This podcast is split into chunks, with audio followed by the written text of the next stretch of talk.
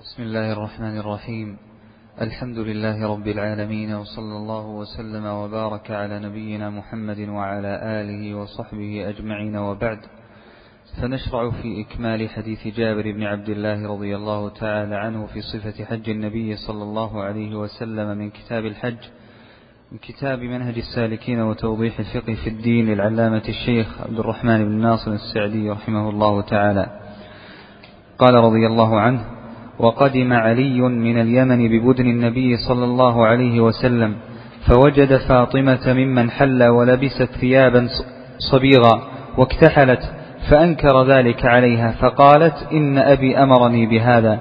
قال فكان علي يقول بالعراق فذهبت إلى رسول الله صلى الله عليه وسلم محرشا على فاطمة للذي صنعت مستفتيا لرسول الله صلى الله عليه وسلم فيما ذكرت عنه فأخبرته أني أنكرت عليها فقال صدقت صدقت. ماذا قلت حين فرضت الحج؟ قال قلت اللهم إني أهل بما أهل به رسولك. قال فإن معي الهدي فلا تحل. قال فكان جماعة الهدي الذي قدم به علي من اليمن والذي أتى به النبي صلى الله عليه وسلم مئة. قال فحل الناس كلهم وقصروا إلا النبي صلى الله عليه وسلم ومن كان معه هدي. فلما كان يوم التروية توجهوا إلى منى فأهلوا بالحج وركب النبي صلى الله عليه وسلم فصلى بها الظهر والعصر والمغرب والعشاء والفجر ثم مكث قليلا حتى طلعت الشمس وأمر بقبة من شعر تضرب له بنمرة فسار رسول الله صلى الله عليه وسلم. ولولا تشك قريش إلا أنه واقف عند المشعر ولا تشك قريش إلا أنه واقف عند المشعر الحرام. كما كانت قريش تصنع في الجاهلية فأجاز رسول الله صلى الله عليه وسلم حتى أتى عرفة فوجد القبة قد ضربت له بنمرة فنزل بها.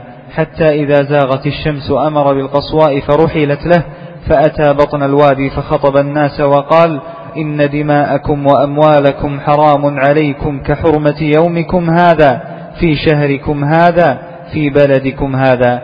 ألا كل شيء من أمر الجاهلية تحت قدمي موضوع ودماء الجاهلية موضوعة وإن أول دم أضع من دمائنا. دم ابن ربيعة بن الحارث كان مسترضعا في بني سعد فقتلته هذيل وربا الجاهلية موضوع. وأول ربا أضع من ربانا ربا عباس بن عبد المطلب فإنه موضوع كله. فاتقوا الله في النساء. فإنكم أخذتموهن بأمانة الله واستحللتم فروجهن بكلمة الله ولكم عليهن ألا يوطئن فرش فرشكم أحدا تكرهونه فإن فعلن ذلك فاضربوهن ضربا غير مبرح ولهن عليكم رزقهن وكسوتهن بالمعروف وقد تركت فيكم ما لن تضلوا بعده إن اعتصمتم به كتاب الله وأنتم تسألون وأنتم تسألون عني فما وأنتم تسألون عني فما أنتم قائلون؟ قالوا نشهد أنك قد بلغت وأديت ونصحت. فقال بأصبعه السبابة يرفعها إلى السماء وينكتها إلى الناس اللهم اشهد اللهم اشهد ثلاث مرات. ثم أذن بلال ثم أقام فصلى الظهر ثم أقام فصلى العصر ولم يصل بينهما شيئا. ثم ركب حتى أتى الموقف فجعل بطن ناقته القصواء إلى الصخرات وجعل حبل المشاة بين يديه واستقبل القبلة فلم يزل واقفا حتى غربت الشمس وذهبت الصفرة قليلا حتى غاب القرص.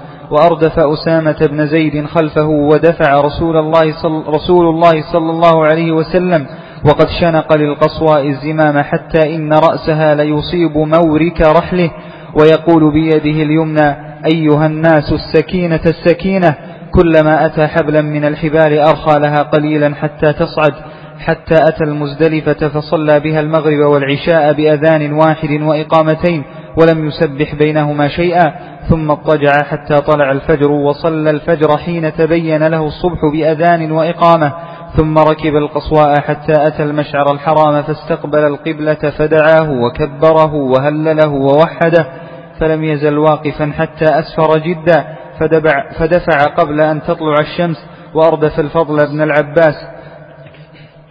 بسم الله الرحمن الرحيم الحمد لله رب العالمين وصلى الله وسلم وبارك على نبينا محمد وعلى آله وصحبه أجمعين. أما بعد سنكمل شرح حديث جابر بن عبد الله رضي الله عنه. باللفظ الذي رواه مسلم واختاره المصنف رحمه الله تعالى. وكنا قد وقفنا في الدرس الماضي عند سؤال سراقة بن مالك رضي الله عنه النبي صلى الله عليه وسلم.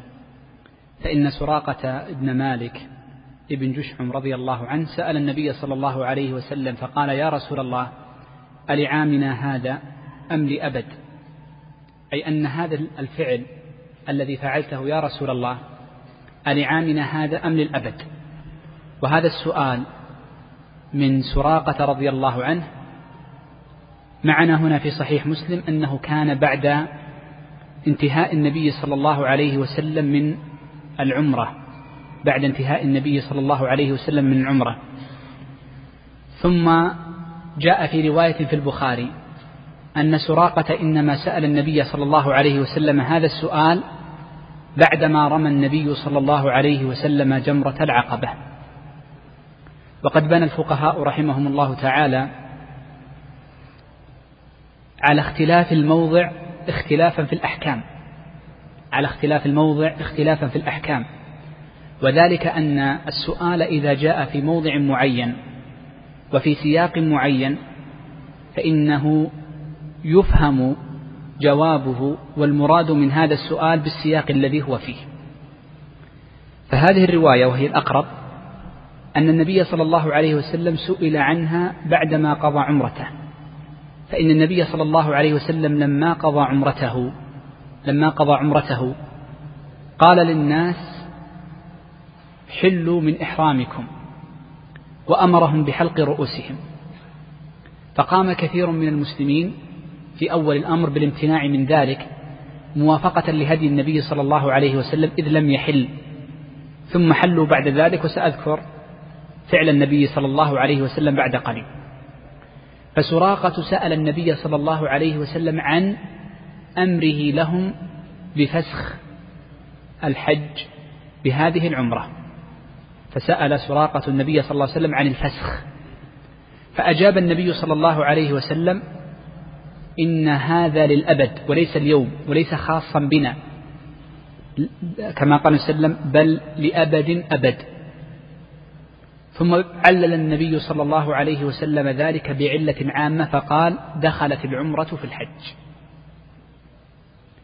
وقول النبي صلى الله عليه وسلم دخلت العمرة في الحج استفاد الفقهاء منها مسائل. المسألة الأولى أن القرآن مشروع أن القرآن مشروع بخلاف ما كان يعتقده أهل الجاهلية. فإن أهل الجاهلية كانوا يقولون إنه لا يجوز أخذ العمرة في أشهر الحج. فمن قرن العمرة بالحج أو فسخ العمرة فكان متمتعا فإنه يكون قد فعل فعلين فعل عمرة وفعل حجا. وأما أهل الجاهلية فإنهم كانوا يقولون إن أشهر الحج لا يجوز فيها إلا الحج ولا تجوز فيها العمرة. هذا المعنى الأول.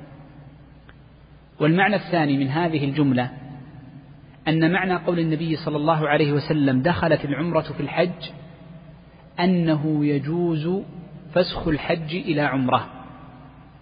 لأنه لما أمر بالفسخ قال دخلت العمرة في الحج. فمن أحرم بالحج قال لبيك اللهم حجا جاز له أن يتحلل بعمرة. جاز له أن يتحلل بعمرة. مثال ذلك من أحرم مفردا بالحج ثم نوى بعد ذلك أن يتمتع فإنه يأخذ عمرة ثم يتحلل. هذه صورة. صورة أخرى من أحرم بالحج ثم فاته الوقوف بعرفة. فإنه لا يجوز له أن يخلع لبسة الإحرام ولا أن يتحلل إلا بأن يأخذ عمرة وهذه تسمى عمرة الفوات أي فاته الحج فيأخذ عمرة.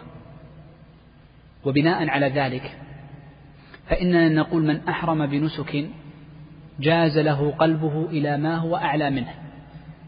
وهل يجوز قلبه إلى ما هو أدون منه دونه؟ نقول أيضا كذلك يجوز. فمن أحرم بالحج متمتعا أو قارنا مثلا ثم أراد أن يرجع إلى أهله ولا يتم حجه جاءه شغل ما فنقول تحلل بعمرة ثم ارجع إلى أهلك ثم ارجع إلى أهلك وليس عليك شيء. وهذا معنى قول وسلم دخلت العمرة في الحج أي فيجوز فسخ الحج إلى عمرة إلى أبد الآباد. إلى أبد الآباد.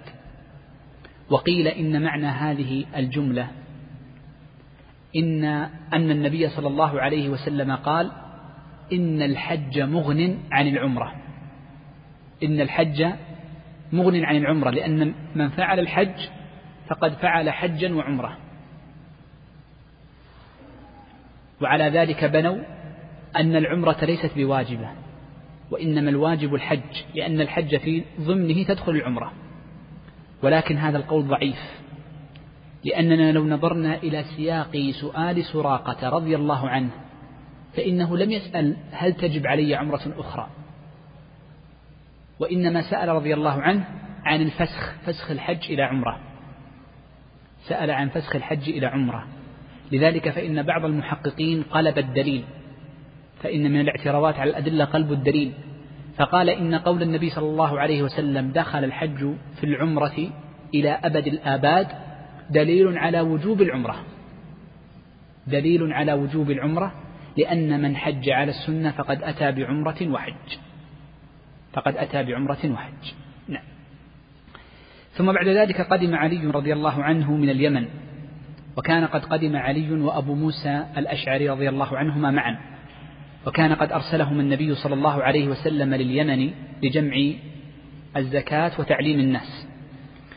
فقدم علي ببدن وأما أبو موسى فإنه لم يقدم بشيء معه.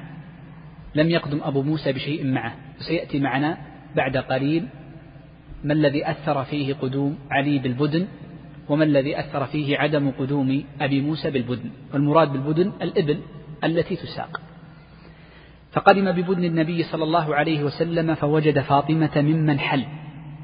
طبعا علي عندما جاء كما سيمر معنا أحرم فقال لبيك, الله لبيك اللهم بما أحرم به النبي صلى الله عليه وسلم أو أحرمت بما أحرم به النبي صلى الله عليه وسلم. فدلنا ذلك على أنه يجوز للشخص أن يعلق فعله على فعل غيره. لأن علي رضي الله عنه لم يكن يعلم لم يكن يعلم ما الذي أحرم به النبي صلى الله عليه وسلم. ولكن دخوله في النسك ليس معلقا وإنما الذي علق هو نوع النسك وانتبه الفرق. إذ الدخول في النسك المعلق ما يصح. كيف يكون دخول في النسك معلقا؟ عندما يقول الشخص أنا حاج أنا محرم إن أحرم فلان إن أحرم فلان فهنا يكون معلق معناه أنه لم يدخل بعده. في النسك. بخلاف علي فإنه دخل في النسك ولكنه لم يحدد نوعه ونظرا لأن نوعه بعد ذلك فجاز فيه التعليق. قال فوجد فاطمة ممن حل أي بعد عمرتها ولبست ثيابا صبيغا واكتحلت. إذا تأملنا في محظورات الإحرام فإننا لن نجد أن من محظورات الإحرام الاكتحال. أو أن المرأة تلبس ثوبا مصبوغا فإن هذا ليس من محظورات الإحرام. ولكن علي رضي الله عنه استدل على أن فاطمة رضي الله عنها حلت بفعل هذه الأمور. واستدل الفقهاء من ذلك على أن الواجب للمحرم أن يكون تفلا وألا يلبس من الثياب أجملها وألا يتزين كمال الزينة. فإن النبي صلى الله عليه وسلم بين أن أفضل الحج العج الثج وأن الله عز وجل يحب الحاج التفل. وقد كان النبي صلى الله عليه وسلم يلبد رأسه بعسل ونحوه لأنه لا يغتسل هذه الفترة كلها. وليس معنى أنها لبست الثوب المصبوغ أو اكتحلت أن هذا مما كان يحرم عليها قبل فإنه لا يترتب عليه محظور وإنما هو من الممنوع من باب الأدب والكراهة. نعم من الفقهاء من يقول من الفقهاء من يقول إن الاكتحال من محظورات الإحرام استدلالا بهذا الحديث لكن بنينا على الأقرب أنه ليس من محظورات الإحرام. طيب. قال فأنكر ذلك عليها فقالت إن أبي أمرني بهذا تعني رسول الله صلى الله عليه وسلم. قال فكان علي يقول بالعراق. هنا جابر ينقل عن ما كان علي يقوله رضي الله عنه بالعراق. وجابر لم يكن في ذلك الوقت في العراق وإنما كان في المدينة. واستدل بهذه الجملة بعض أهل العلم على أن الملاقاة كافية في صحة الرواية. ولا يلزم سماع الحديث فإن جابرا أدرك عليا. إلا أن يكون هذا القول من قول من هو دون جابر رضي الله عنه. فكان علي يقول بالعراق يعني بعدما ولي الخلافة فذهبت إلى رسول الله صلى الله عليه وسلم محرشا على فاطمة أي مشتكيا عن لها مشتكيا له ما فعلت. مستفتيا لرسول الله صلى الله عليه وسلم فيما ذكرت عنه. فأخبرته أني أنكرت عليها فقال صدقت صدقت. ماذا قلت حين فرضت الحج؟ قال قلت اللهم إني أهل بما أهل به رسولك. قبل أن نتكلم عن هذه المسألة هنا مسألتان هذه الجملة. المسألة الأولى قول علي رضي الله عنه إني أهل بما أهل به رسولك. ما هو نوع النسك الذي أهل به النبي صلى الله عليه وآله وسلم؟ هذه المسألة من المسائل التي طال فيها الخلاف بين الفقهاء. حتى إن منهم من قال إنه كان متمتعا ومنهم من قال إنه كان مفردا ومنهم من قال إنه كان قارنا. فجمعوا الأنساك الثلاثة لفعله صلى الله عليه وسلم. ولا شك أنه إنما فعل نوعا واحدا دون ما عداه. وقد ذكر بعض الفقهاء المتأخرين أن السبب في اختلاف الفقهاء في نوع نسك النبي صلى الله عليه وسلم ليس الدليل وإنما سبب اختلافهم ما الذي رجحوه في الأفضل من الأنساك الثلاثة. فمن رجح الإفراد تكلف تكلف في الاستدلال على أن النبي صلى الله عليه وسلم إنما كان مفردا. وكذا يقال في التمتع وفي القران فإنهم فعلوا ذلك بناء على ترجيحهم. ولكن كثيرا من الفقهاء المحققين فرقوا بين فعل النبي صلى الله عليه وسلم وبين ما هو الأفضل لغيره. لأن النبي صلى الله عليه وسلم أمر الناس بالتمتع وأما هو فإنه قد كان قارنا. لذلك يقول الإمام أحمد لا أشك أن النبي صلى الله عليه وسلم كان في حجة الوداع قارنا. ويقول ابن القيم فيها بضعة وعشرون حديثا عن النبي صلى الله عليه وسلم أنه كان قارنا. إذا النسك الذي أحرم به النبي صلى الله عليه وسلم وعلق عليه علي رضي الله عنه نسكه هو القران. هذه مسألة. المسألة الثانية ما هي أفضل الأنساك؟ النبي صلى الله عليه وسلم أمر الناس بأن يتمتعوا مما يدلنا على أن التمتع أفضل من القران في الجملة. ولذلك قال أحمد لا أشك أن النبي صلى الله عليه وسلم حج قارنا ولكن التمتع أفضل لأمره عليه الصلاة والسلام صحابته بذلك. طيب لما بقي النبي صلى الله عليه وسلم على على قرانه؟ من أهل العلم من قال إن هذا من خصائص النبي صلى الله عليه وسلم وهذا فيه نظر فإنه أمر عليا أن يبقى قارنا مثله بخلاف أبي موسى الأشعري فإنه جاء من اليمن وأهل بمثل ما أهل به النبي صلى الله عليه وسلم ومع ذلك أمره النبي صلى الله عليه وآله وسلم أن يتمتع. فنقول إن من ساق الهدي من ساق الهدي. فإن الأفضل في حقه أن يكون قارنا. ولذلك فإن النبي صلى الله عليه وسلم قال لعلي فإن معي الهدي فلا تحل. أي أن هذا الهدي الذي سقته من اليمن وقد كان مئة من الإبل هو لي ولك. فلا تحل. بخلاف أبي موسى فإن أبا موسى رضي الله عنه لم يسق معه هديا. فأمره النبي صلى الله عليه وسلم أن يتمتع. إذا من ساق الهدي من ساق الهدي الأفضل في حقه أن يكون قارنا. ومن لم يسق الهدي فإن الأفضل في حقه أن يكون متمتعا. هذا هو الأرجح وسيأتي بعد قليل ما يدل على هذا الرأي وهو الذي تجتمع به الأدلة. فإن قال امرؤ طيب ما الأفضل؟ أن أسوق الهدي وأحج قارنا أم ألا أم ألا أسوق الهدي وأحج متمتعا. وضحت هذه الصورة؟ هذه يعني ابتداء من يأتي من بلده. هل الأفضل له أن يسوق الهدي قارنا أو يأتي من غير سوق للهدي متمتعا؟ نقول إن الأفضل أن لا تسوق الهدي وأن تكون متمتعا. والدليل على ذلك أن النبي صلى الله عليه وسلم قال لو استقبلت أو استدبرت من أمري لو استقبلت من أمري ما استدبرت لم أسق الهدي لم أسق الهدي ولجعلتها عمرة. مما يدل على أن عدم السوق في هذه الحالة أفضل أفضل. لكن من ساق الهدي كان في حقه أفضل. لماذا كان الهدي لمن ساق الهدي في حقه أفضل من حيث المعنى؟ وليس من حيث الدليل. الدليل معنى هذا الحديث. لأن المرأة إذا ساق معه الهدي فإنه يقلدها. ويشعرها. يقلدها يجعل في عنقها على هيئة القلادة نعلا ونحوه ويشعرها يجرحها بنوع من الجرح فتكون علامة لها. فمن ساق معه الهدي فإن المعنى أن يبقى على إحرامه شوف يبقى على إحرامه إلى أن يذبح هذا الهدي. إلى أن يذبح هذا الهدي. فكأن إحرامه متعلق بهذا الهدي. واضح المعنى؟ لأنه سقته معك. ولا يذبح الهدي إلا بعد تمام الحج في اليوم العاشر. وهذا هو المعنى في أن من ساق الهدي كان الأفضل في حقه كان الأفضل في حقه القران. طيب نأتي مسألة ثانية. المرء يتحقق له التحلل الأول والثاني بماذا؟ في يوم عشرة. بفعل اثنين أو ثلاثة من الثلاثة. اثنين يحدث التحلل الأول وثلاثة يكون التحلل الثاني. وهي رمي جمرة العقبة الحلقة والتقصير طواف الإفاضة. أين أين ذبح الهدي؟ أين ذبح الهدي؟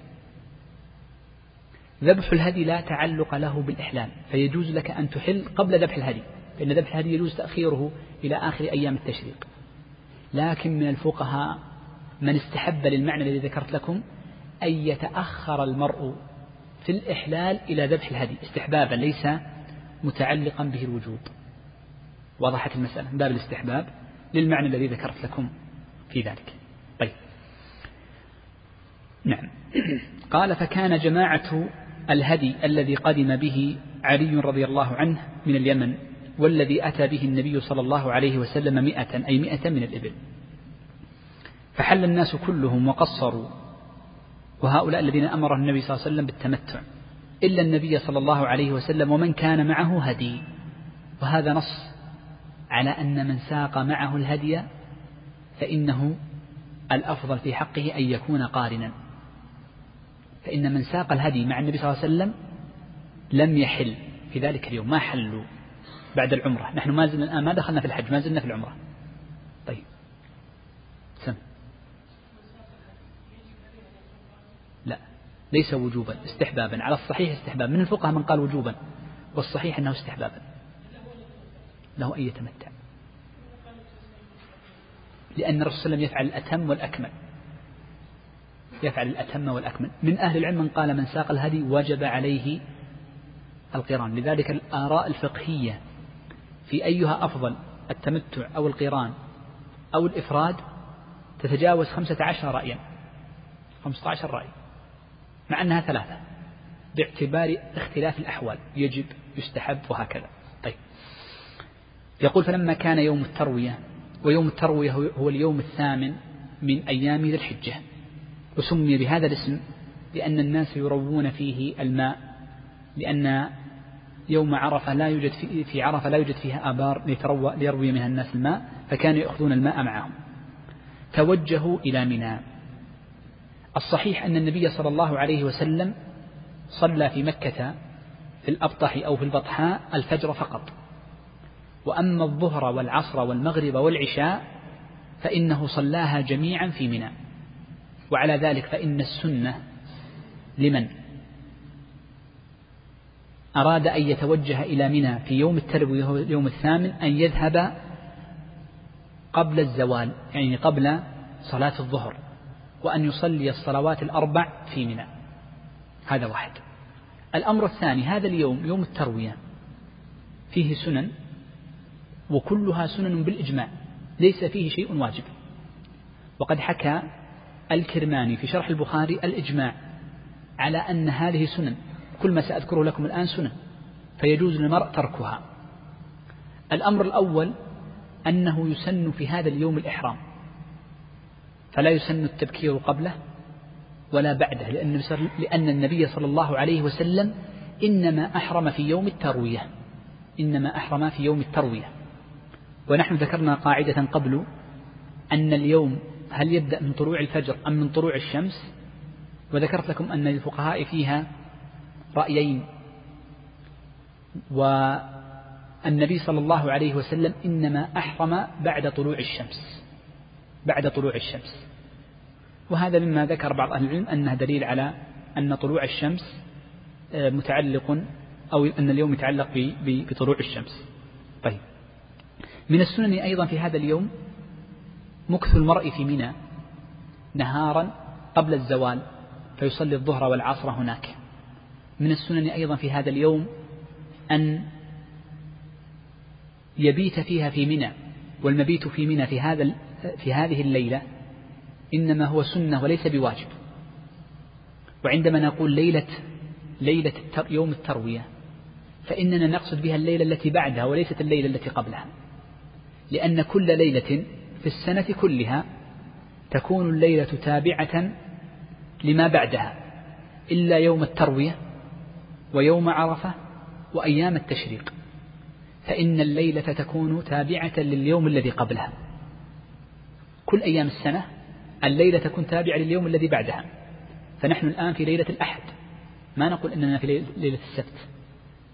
إلا حكما حكما يوم التروية وأيام التشريق ويوم عرفة مع يوم العيد. فإن الليل تابع لليوم الذي قبله تابع لليوم الذي قبله في الأحكام.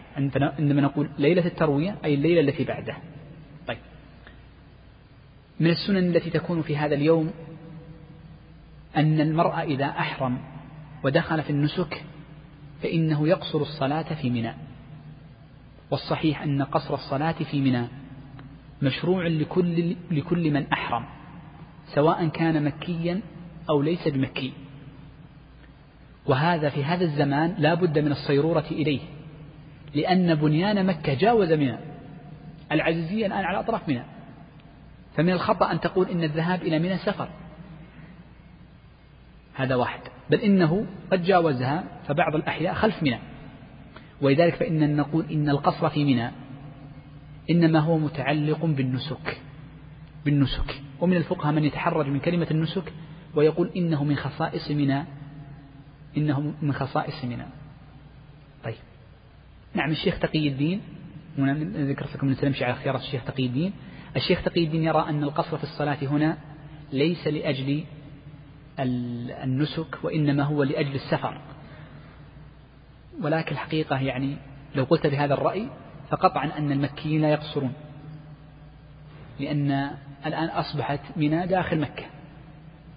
ولذلك الأقرب أنها متعلقة بالنسك. قال توجهوا إلى منى فأهلوا بالحج. نعم أنهيناها. وركب النبي صلى الله عليه وسلم فصلى بهم الظهر والعصر والمغرب والعشاء والفجر. ثم مكث قليلا حتى طلعت الشمس. هنا انتهينا من السنة ما يتعلق بسنن يوم التروية. ثم نبدأ بأفعال اليوم التاسع وهو يوم عرفة. فإن النبي صلى الله عليه وسلم بدأ هذا اليوم بصلاة الفجر. والسنة في صلاة الفجر أن تصلى في منى وأن يكون المرء محرما وأن يمكث المرء في منى حتى تطلع الشمس ولا يلزم أن ترتفع قيد رمح وإنما ترتفع وإنما تطلع الشمس وتظهر ثم يمشي إلى عرفة مبكرا يبكر في الخروج. والنبي صلى الله عليه وسلم عندما خرج من منى متجها إلى عرفة أمر بقبة له من شعر فضربت له قريبا من عرفة من في نمرة. فإن نمرة خارج المسجد الحرام آه، خارج عرفة كما سيأتي بعد قليل وهذا الفعل من النبي صلى الله عليه وسلم حينما أمر أن تضرب له قبة من شعر يفيدنا أمران. الأمر الأول أن المحرم منهي عن تغطية رأسه بالملاصق فقط. وأما غير الملاصق وأما غير الملاصق فإنه يجوز له جعله فوق رأسه. مثل غير الملاصق القبة أو الخيمة ومثل غير الملاصق غطاء السيارة فإنه غير ملاصق أو الهودج قديما. إن أراد رجل أن يدخل في هودج وهو خاص بالنساء. ومثل غير الملاصق أيضا المظلة فإنها ليست بملاصقة وسأذكر لكم أمرا واذكروا لي هل هو ملاصق أم ليس بملاصق. وجد عند بعض الحجيج مظلة تربط على الرأس ثم يخرج منها عواميد ثم تكون متصلة بالرأس فإنما تمشي فإنه تستظل بهذه المظلة الصغيرة ولكنها لا تمسكها بيدك وإنما هي في رأسك. فهل نقول إنها ملحقة بالملاصق أم بغير الملاصق.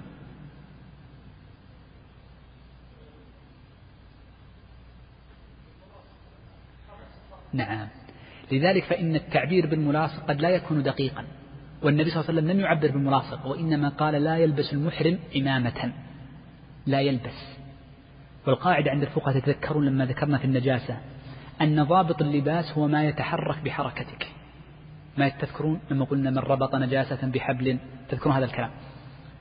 فهنا ما دام تتحرك بحركتك فتسمى لباسا بحركة الرأس تسمى لباسا تسمى لباسا. طيب مثال آخر. لو أن امرأ جعل على رأسه متاعا مع شنطة وضعها على رأسه أو معه طفل فحمله على رأسه فهل نقول إن هذا ملاصق أم ليس بملاصق؟ الأول في الحقيقة ليس بملاصق ومنعنا منه. والثاني هل هو ملاصق أم ليس بملاصق؟ كل هذا ولا هو ملاصق يا شيخ؟ الشنطة فوق رأسك. ملاصق ولا ملاصق؟ ملاصق. هل هو ممنوع منه؟ نعم تفضل. ليش غير ممنوع منه؟ ليس لباسا. إذا التعبير بأنه بملاصق أو بغير ملاصق إنما هو في الحقيقة قد يكون أغلبي. ولا بد أن يعني لو ننظر في أصل التحريم نهي النبي صلى الله عليه وآله وسلم عن العمامة وهي لباس. فالحقيقة أن من وضع على رأسه شيئا من متاعه ليس لابسا له. بخلاف من قصد وضع هذا الشيء على رأسه على هيئة المتاع كأن يجعل رأسه منديلا وإن كان خفيفا لكن هو واضح في الحقيقة أنه جعله على هيئة اللباس فهنا يمنع منه. إذا فهنا يرجع لنية الشخص وقصده.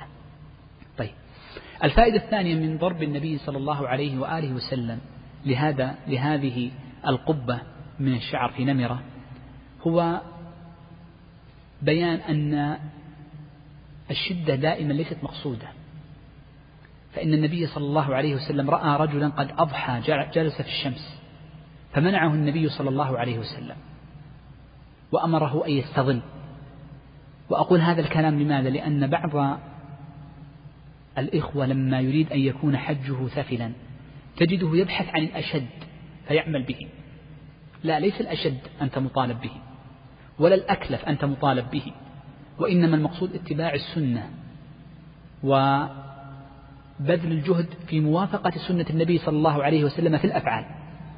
وأما في خاصة المرء وذاته فأن تترك الترفه فقط تترك الترفه وليس أن تفعل الأشد في حقك.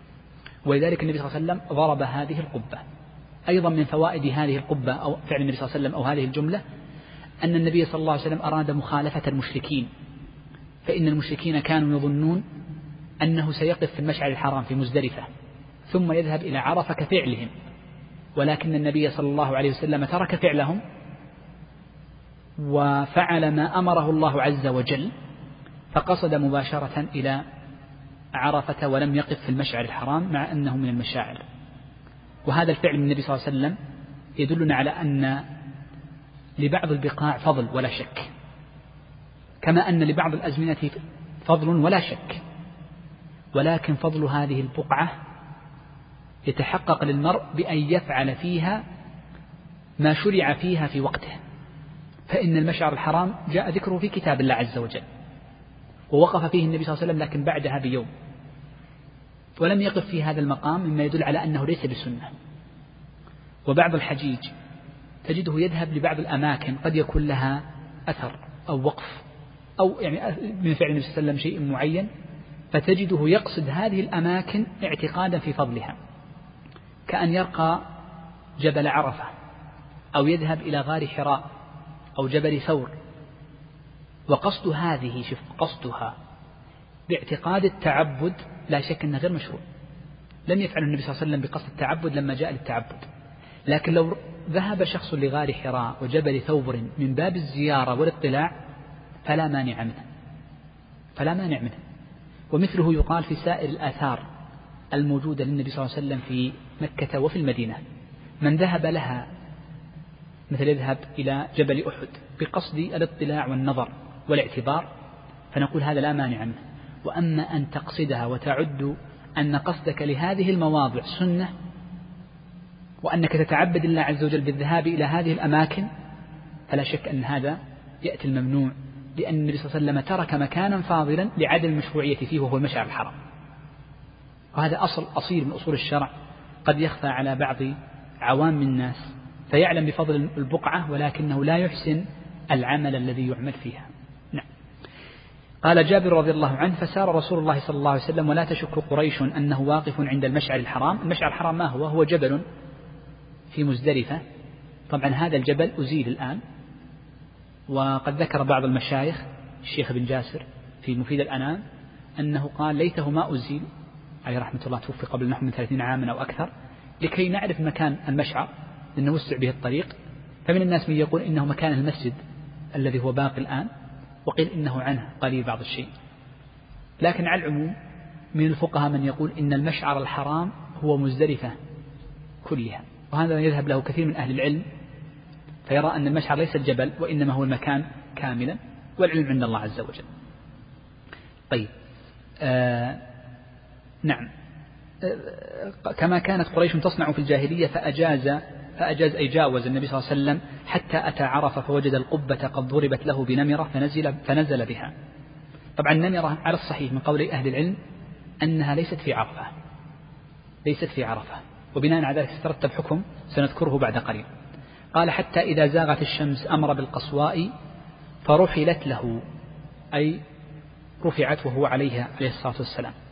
فأتى بطن الوادي الذي قبل عرفة. فخطب الناس وقال إن دماءكم وأموالكم.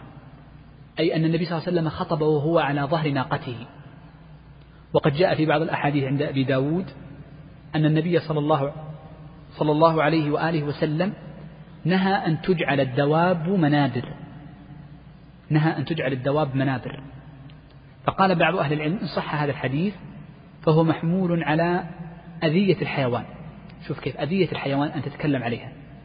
والنبي صلى الله عليه وسلم إنما قام في هذا المقام على دابته لأنه لم يطل خطبته عليه الصلاة والسلام هذا من جانب.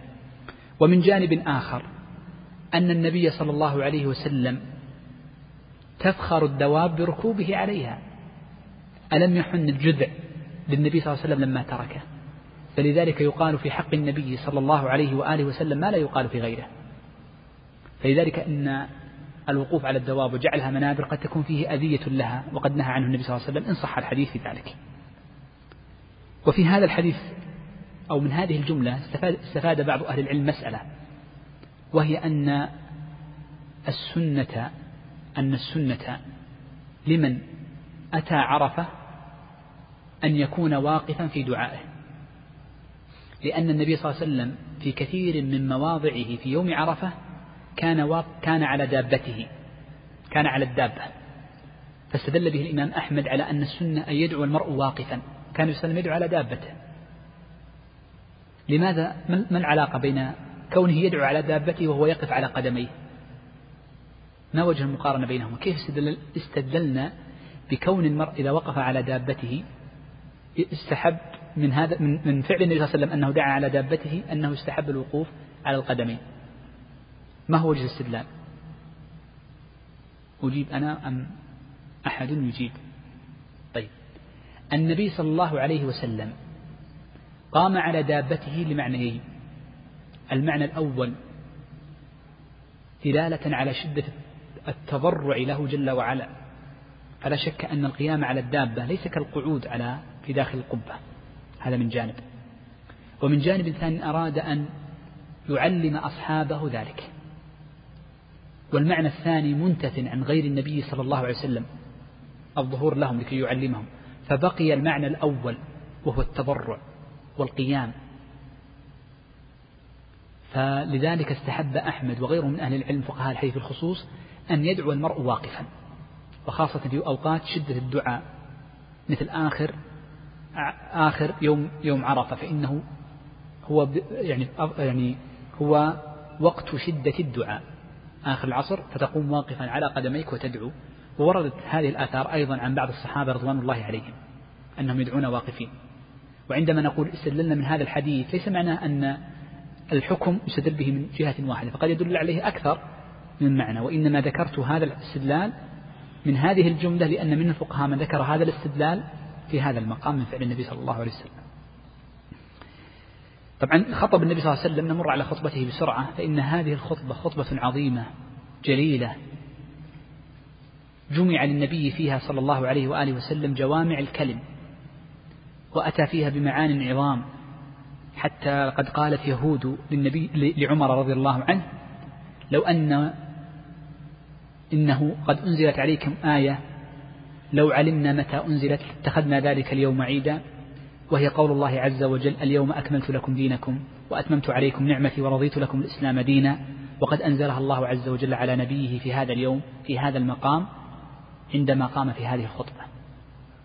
النبي صلى الله عليه وسلم قال في خطبته إن دماءكم وأموالكم, وأموالكم حرام عليكم كحرمة يومكم هذا فلا يجوز لشخص أن يعتدي على مال غيره ولا على دمه لا بسفح بموت ولا بإتلاف عضو يحتاج يعني بما دون النفس.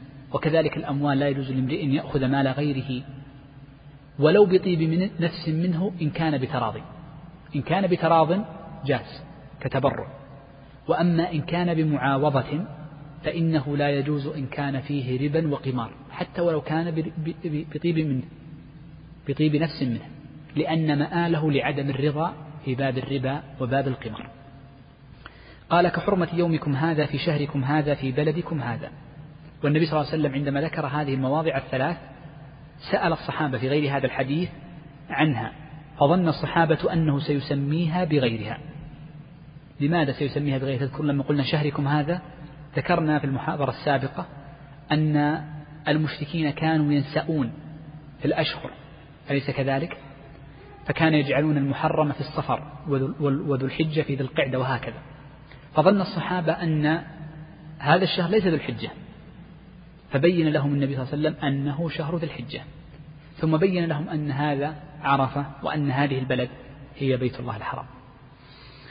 قال ألا كل شيء من أمر الجاهلية تحت قدم موضوع ودماء الجاهلية موضوعة وإن أول دم أضع من دمائكم دم ابن ربيعة بن الحارث وكان مسترضعا في بني سعد فقتلته هذيل.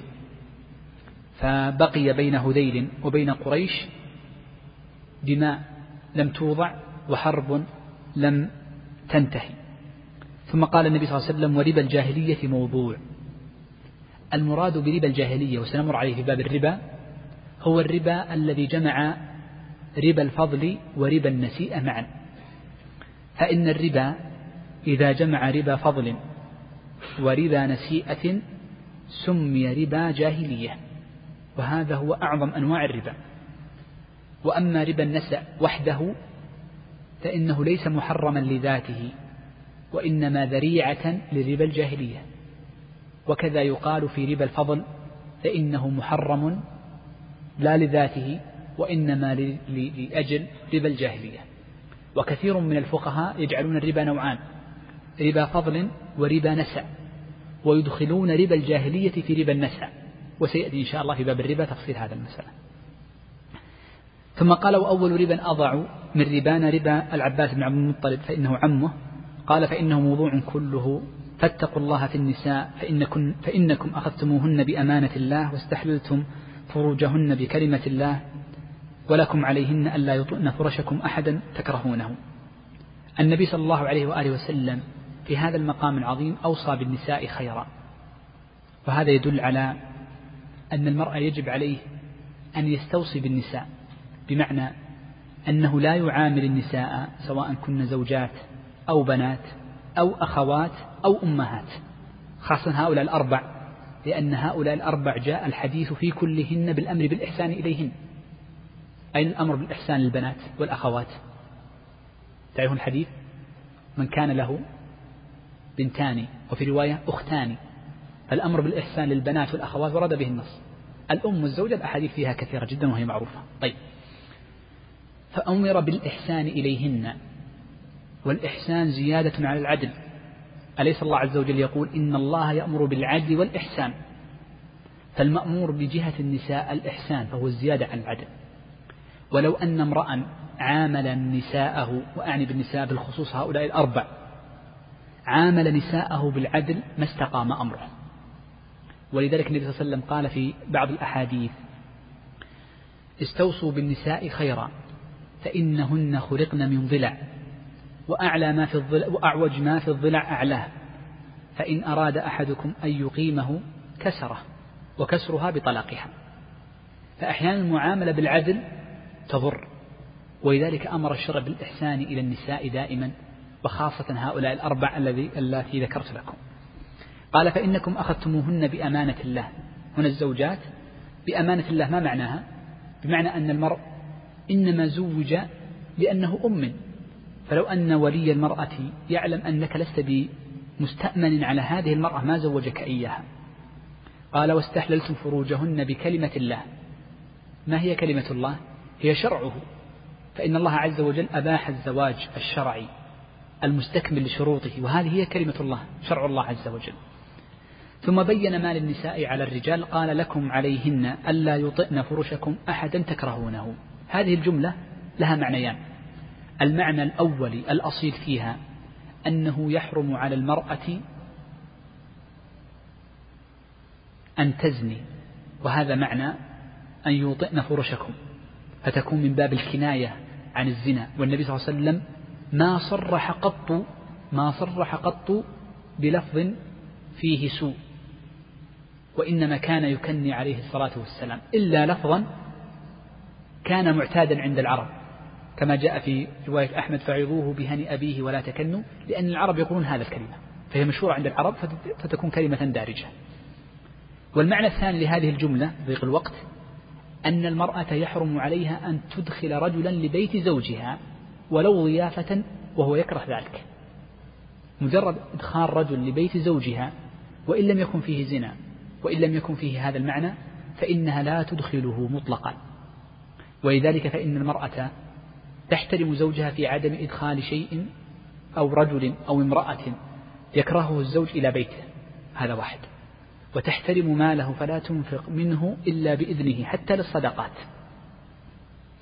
وحتى في وقتها فإن منعها من زيارة أحد يكرهه بمعنى شرعي أو دنيوي صحيح فإنها تمتنع. وهذا قول النبي صلى الله عليه وسلم أو يشمله قول النبي صلى الله عليه وسلم.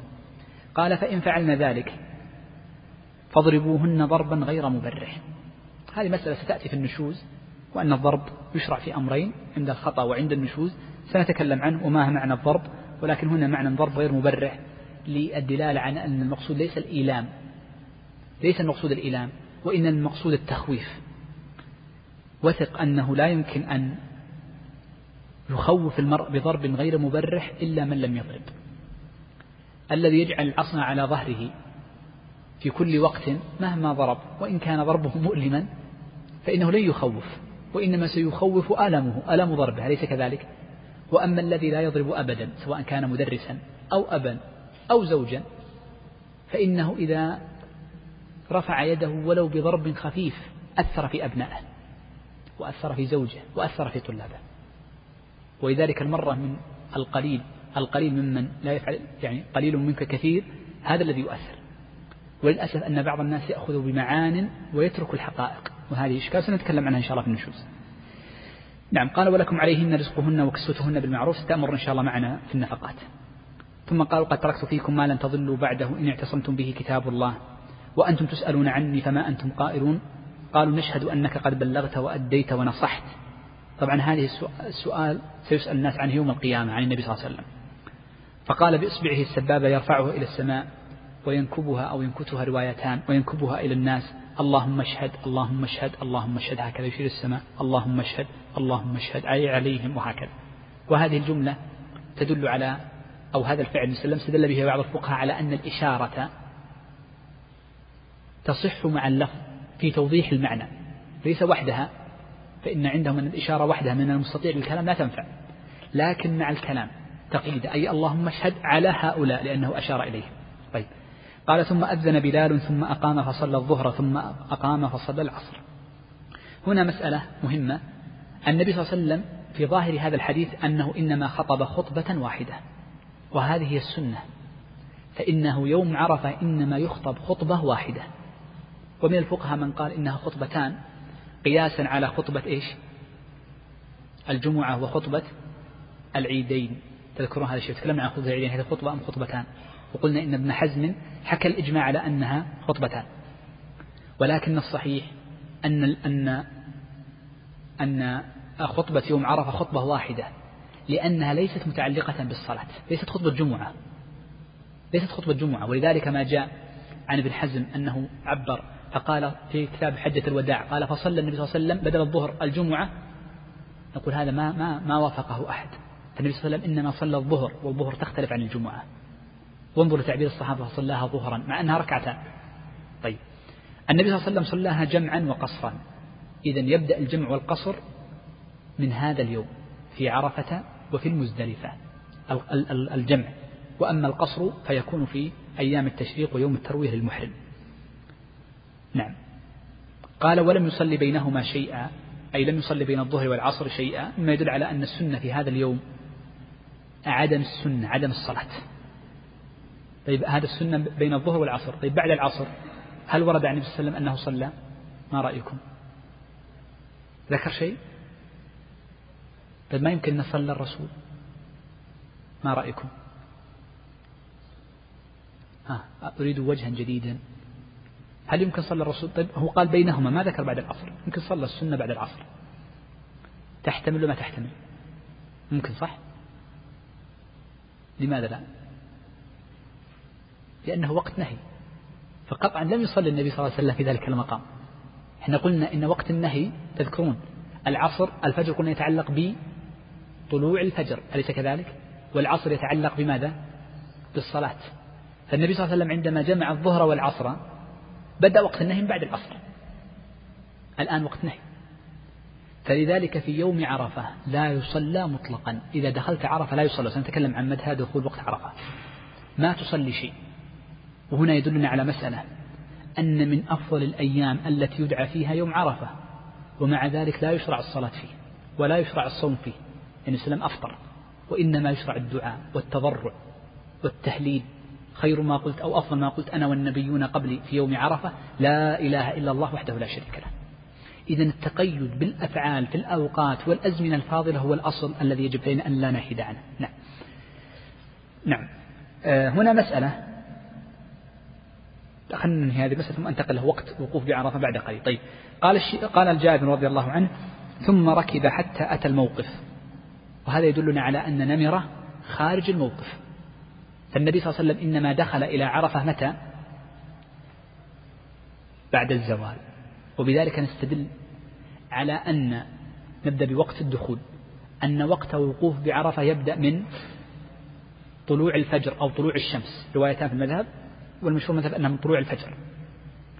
فيبدأ الوقوف الصحيح من طلوع الفجر أو الشمس. روايتان. مبنية على الخلاف ذكرت لكم قبل قليل. هل اليوم يبدأ من طلوع الفجر أو من طلوع الشمس؟ ولكن السنة ألا يأتي المرء إلى عرفة إلا بعد الزوال. فإن تأخر كثيرا نقول فوت على نفسه الأجر. فوت على نفسه الأجر. كان يأتي العصر وهكذا. قال فجعل بطن ناقته القصواء إلى الصخرات وجعل حبل المشاة بين يديه واستقبل القبلة. الصخرات هذا موضع في طرف الجبل والنبي صلى الله عليه وسلم لم يرقى الجبل وإنما جعل جلس في ذيله كما جاء في بعض الروايات فالنبي صلى الله عليه وسلم لم يرقى. وجعل حبل المشاة بين يديه هذا مكان كان موجودا يعني لا أعرف الآن هل هو واضح المعالم أم لا. واستقبل القبلة عليه الصلاة والسلام. وهذا يدلنا على أن الأفضل الدعاء الأفضل الدعاء متجها إلى القبلة. قال فلم يزل واقفا على ناقته أو واقفا على قدميه. النبي صلى الله عليه وسلم إنما كان واقفا على ناقته. وقلنا هنا الوقوف يشمل أمرين. الوقوف ويشمل ماذا؟ الظهور للناس. الظهور إنما هو من خصائص النبي صلى الله عليه وسلم لأنه إمامهم ومعلمهم والوقوف يبقى للناس بعد ذلك ولذلك عبر جابر بما زال واقفا. حتى غربت الشمس وذهبت الصفرة قليلا حتى غاب القرص. وهذا من تأكد النبي صلى الله عليه وسلم من الغياب. وهذا يدلنا على أن آخر وقت يقف فيه المسلم هو وقت ماذا؟ غروب الشمس. فنقول هنا إذا وقت البداية تكلمنا عن السنة ووقت الجواز ووقت النهاية. نقول إن من دخل قبل غروب الشمس فلا يجوز له لا يجوز له أن يخرج من عرفة حتى تغيب الشمس. لأن النبي صلى الله عليه وسلم انتظر ووقف ينتظر. ولم يأذن لأحد من أصحابه لا رعاة ولا سقاة ولا نساء ولا ضعف بالخروج مما يدلنا على أن الخروج قبل مغيب الشمس ممنوع منه. وقد قال ابن عباس من ترك نسكا أي أمرا واجبا فعليه دم. فدل على أنه من واجبات الحج. إذا هذا واحد. الأمر الثاني أن من خرج قبل إذا السنة أن لا تخرج إلا عند غروب الشمس إن أتيت قبل غروبها. فمن خرج قبل غروب الشمس من خرج قبل غروب الشمس صح وقوفه فعل الركن وهو عرفة ولكن عليه دم لماذا؟ لأنه ترك واجبا وهو البقاء في عرفة إلى غروب الشمس. لو أن شخصا جاء بعد طلوع الفجر وجلس نصف ساعة وذهب صح وقوفه أم لا؟ على قول من قال بأن اليوم يبدأ من طلوع الفجر أحسنت. وأما من يقول أن اليوم يطلع من طلوع يبدأ من طلوع الشمس فإنه ما يصح طبعا الذي في المنتهى أنه من طلوع الفجر. وهكذا وضحت الصورة طيب. من أتى في الليل؟ قالوا من أتى قبل طلوع الشمس من اليوم العاشر صح وقوفه. ويكفي المرور في عرفة يكفي المرور يكفي المرور فقط. المرور. لمن جاء بعد غروب الشمس. نعم. انتهى الوقت أو بقي؟ شيخ إبراهيم انتهى؟ كان بودنا نتكلم عن مزدلفة وأحكامها لكن نقف هنا. آه، إن شاء الله في الدرس القادم نتكلم عن أحكام الوقوف أو المبيت في مزدلفة بمشيئة الله عز وجل. أسأل الله عز وجل جميع التوفيق والسداد. وصلى الله وسلم على نبينا محمد.